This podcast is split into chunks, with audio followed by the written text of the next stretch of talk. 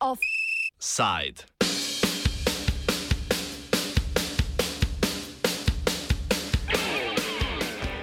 Naj zadnji ugasne luč. Če se je naslovna fraza do sedaj uporabljala zlasti kot izraz razočaranja, bo njena raba kaj k malu lahko postala bolj dobesedna, kot navodilo, ki ga mora vsakdo, če do zdaj ni, dosledno upoštevati. Cene električne energije, pa tudi drugih energentov, so v zadnjem času namreč močno poskočile. V današnjem offsajdu bomo iskali morebitne vzroke za podražitve energentov, zlasti elektrike, in poskušali predstaviti, kako trgovanje z električno energijo sploh poteka. Novi Po podatkih Agencije za energijo je bila leta 2020 v primerjavi z letom 2019 skupna poraba končnih odjemalcev električne energije v Sloveniji manjša za 6 odstotkov. Znižala se je predvsem poraba poslovnih odjemalcev in sicer za slabih 10 odstotkov, hkrati pa se je povečala poraba gospodinskih odjemalcev, ki je znašala 5 odstotkov več kot leto prej. Razlog za nihanje porabe je nadlani - epidemija koronavirusne bolezni, ki je povzročila dolgotrajna zaprtja države. Ob njenem ponovnem zakonu je potreba po energentih ponovno poskočila, z njo pa tudi cene. Kot meni strokovnjak za energetiko Petr Novak, dolgoletni profesor Fakultete za strojništvo Univerze v Ljubljani in ustanovitelj Visoke šole za tehnologijo v Novem mestu, je kriza na trgu posledica špekulantov, ki so ga preplavili v iskanju zaslužka. Moje osebno mnenje je, da je tu veliko špekulacij. Najprej smo imeli problem s COVID-om in se je industrijska proizvodnja zmanjšala, poraba je padla, poraba energentov je padla in potem so seveda cene bile sorazmerno nizke. Sedaj, ko se industrija vrača in ko se logistika eh, ponovno opravlja, kot se temu reče, je postalo jasno, da bo potrebno več energije. In so špekulanti pognali cene na vzgor. Namreč ne pozabite, to so cene na prostem trgu. To niso cene, ki so pogodbene, to se pravi tisti, ki imajo dolgoročne pogodbe za dobavo elektrike, plina, ti niso podvrženi tem nihanjem cen, ki jih imamo na prostem trgu. Tisti, ki pa so kupovali energijo na prostem trgu, eh, to se pravi eh, po svoje tudi neke vrste špekulanti, ki so vedno hoteli imeti najcenejšo energijo, so pa sedaj naleteli na eh, mino, kot temu rečemo, cene so strahovito skočile, in oni morajo plačati visoko ceno. Poročilo o stanju na področju energetike v Sloveniji v letu 2020 Agencije za energijo sicer ugotavlja, da je pokritost porabe električne energije z domačo proizvodnjo skoraj 93 odstotna. Natačnejša analiza je pokazala, da je bilo 35 odstotkov energije proizvedene iz obnovljivih virov, 27 odstotkov iz fosilnih goriv, 38 odstotkov pa iz jedrskega goriva.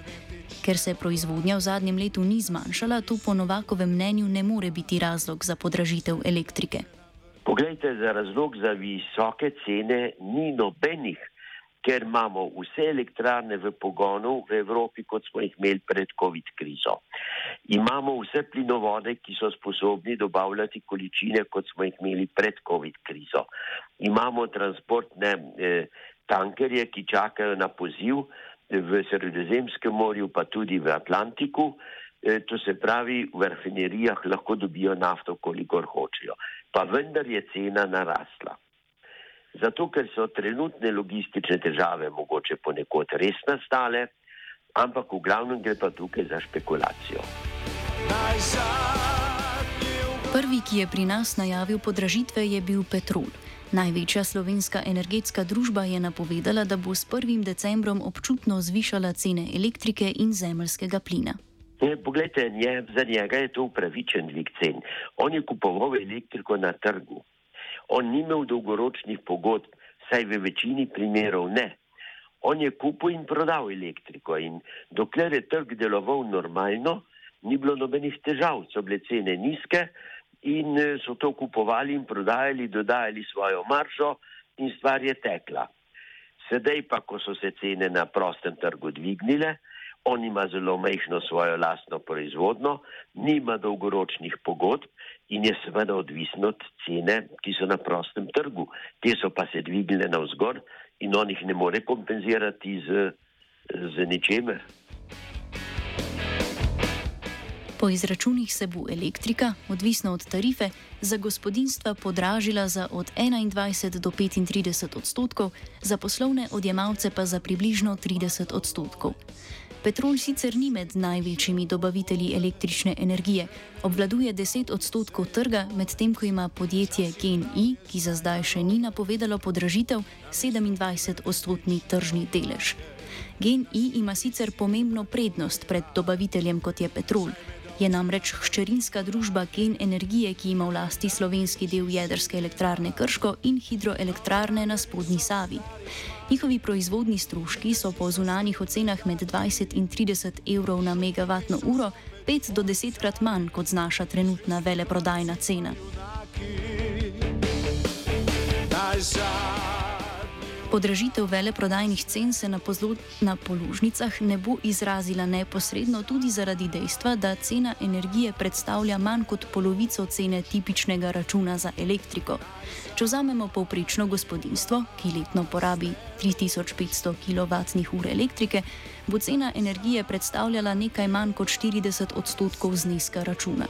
Naslednjih 30 odstotkov je omrežnina, ki si jo razdelijo elektrooperaterji, še 10 odstotkov so prispevki za podporo obnovljivih virov energije in energetsko učinkovitost. Trošarina je razmeroma manj, majhna, manj kot 2 odstotka računa. Na vse skupaj se plača še davek na dodano vrednost. Spet je ena miška padla v lonec. Pri dvigu cene za 35 odstotkov bo poskočila cena električnega toka po visoki tarifi. Pri nizki tarifi bo cena poskočila za 21 odstotkov, pri enotni pa za nekaj manj kot 32 odstotkov. Končna cena na računu bo tako verjetno višja za nekaj več kot 10 odstotkov.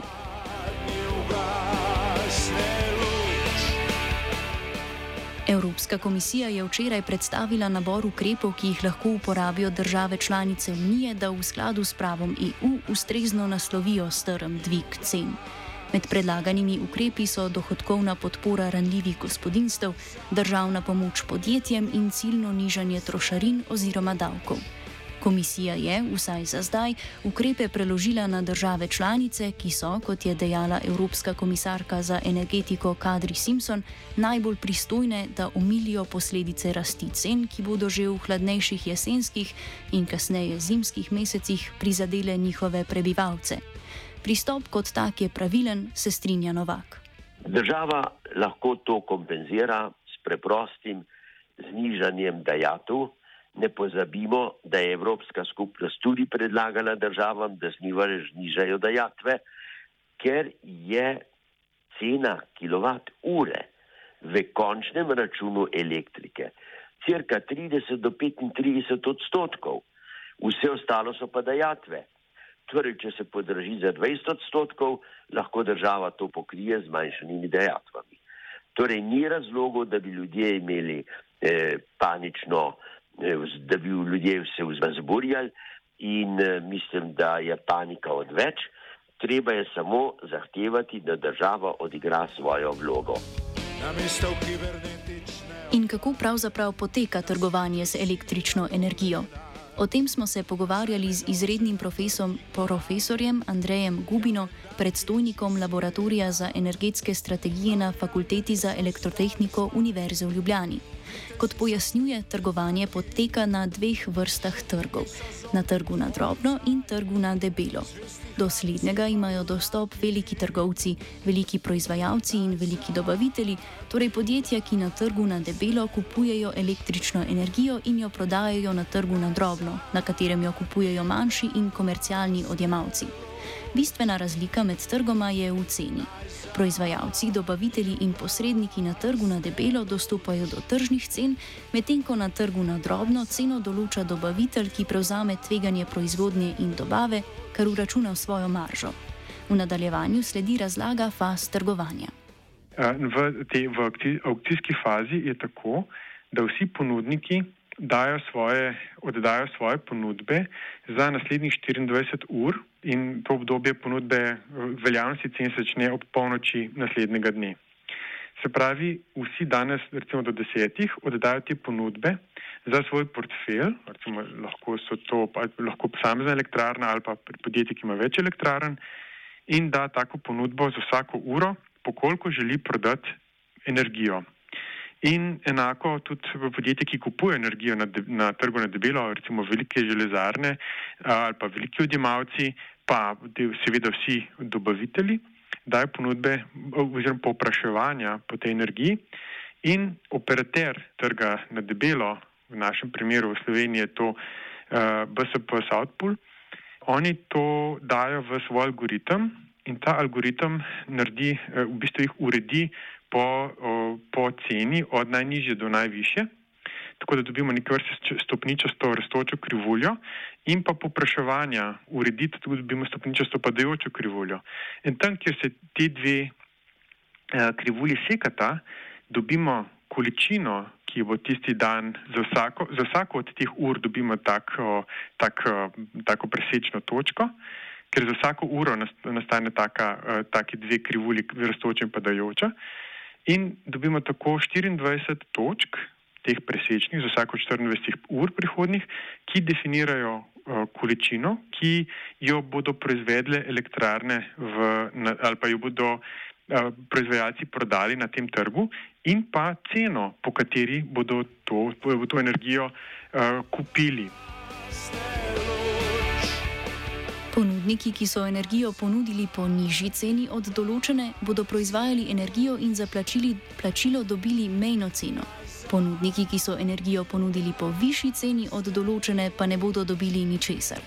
Po drugi strani bodo kupci, ki so ponudili mejno ceno ali več, energijo kupovali po mejni ceni, ostali, ki so ponudili manj, pa energije ne bodo mogli kupovati. Kot pove sogovornik, je določena mejna cena pomembna, saj učinkuje kot javni signal, ki ponudnika in povpraševalca napoti na mimo borzni dogovor, torej bilateralno pogodbo, pri kateri se lahko sama dogovorita o ceni za posamezne profile ponudbe energije, denimo za določeno časovno obdobje in določeno količino. In kako cena trga na, debel, trg, na trgu na debelo vpliva na ceno na trgu na drobno? Dobavitelj, ko kupi ceno na, na debelo, jo potem prodaja na trgu na drobno in zraven pribije še neke svoje marže, pa potem vse še neke, recimo, pač pribitke za ta tveganja, o katerih sem pregovoril. Ker lahko da ponudnik pride do izpada, elekt, izpada proizvodnje, recimo mu elektrarna odpove, mora to energijo dobiti drugje. Lahko uh, pride do nelikvidnosti, uh, pa potem ne bo dobil plačeno ali pa bo plačal, pa se bo zapletel neke sodne spore. Skratka, vse to so tveganja, s katerimi mi kot končni kupci nimamo dosto pravka in se, no, za vse to uh, more pač pa, uh, poskrbeti dobavitelj. Zdaj, zato svojo ponudbo oblikuje, eh, cenovno ponudbo oblikuje skladno s ceno na debelo, po kateri je energijo kupil, plus določeni pribitki. Seveda poskušajo biti cenovno konkurenčni in eh, od tukaj je potem pomembno vprašanje, kdaj kupiš energijo, za katero kot dobavitelj veš, da jo boš moral dobavljati naslednje leto.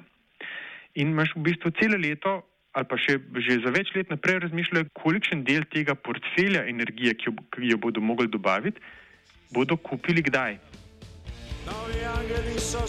Tipičen dobavitelj ve, da mora imeti 31. decembra svoj portfelj popolnoma pokrit oziroma svojo pozicijo zaprto, kar pomeni, da mora imeti vso energijo, ki jo je prodal po pogodbah do, uh, svojim kupcem uh, za tisto leto, ve, ki jo bo dobil, da ima že kupljeno.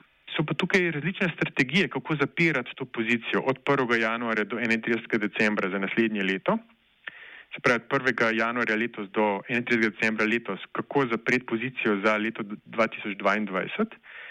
In ker se cene na trgu na debelo več čas spreminjajo in grejo gor, pa grejo dol. Recimo cene uh, spomladi so bile uh, recimo 50 evrov za megavatno uro, zdaj so pa 130 evrov za megavatno uro.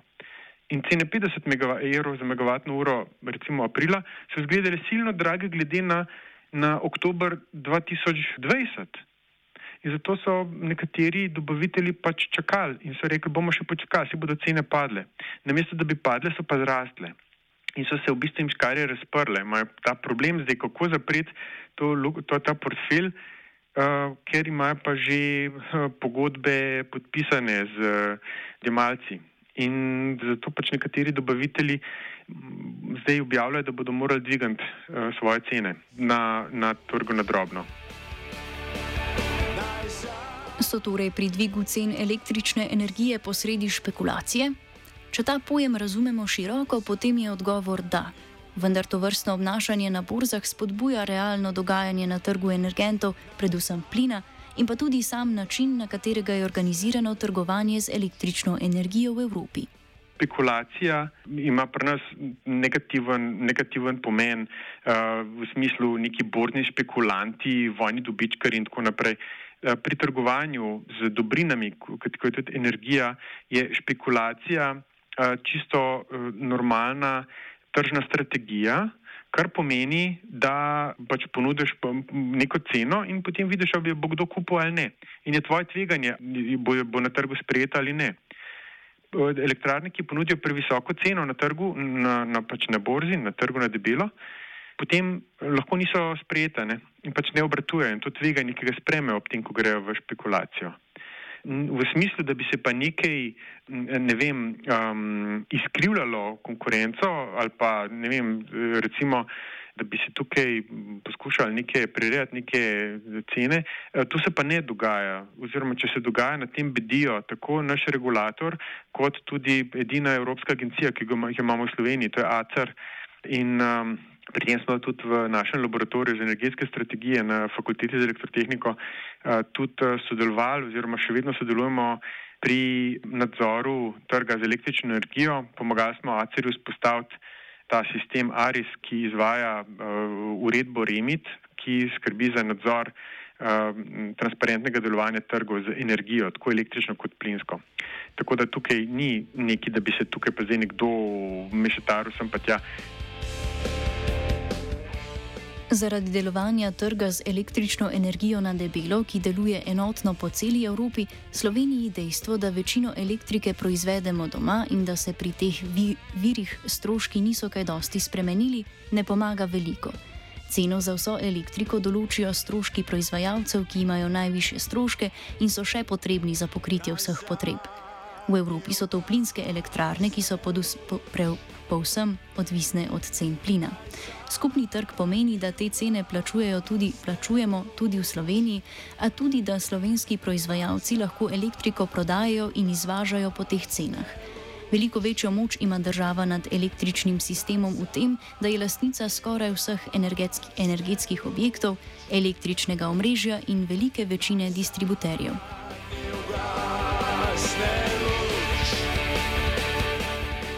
Luč je za seboj ugasnil Fabian.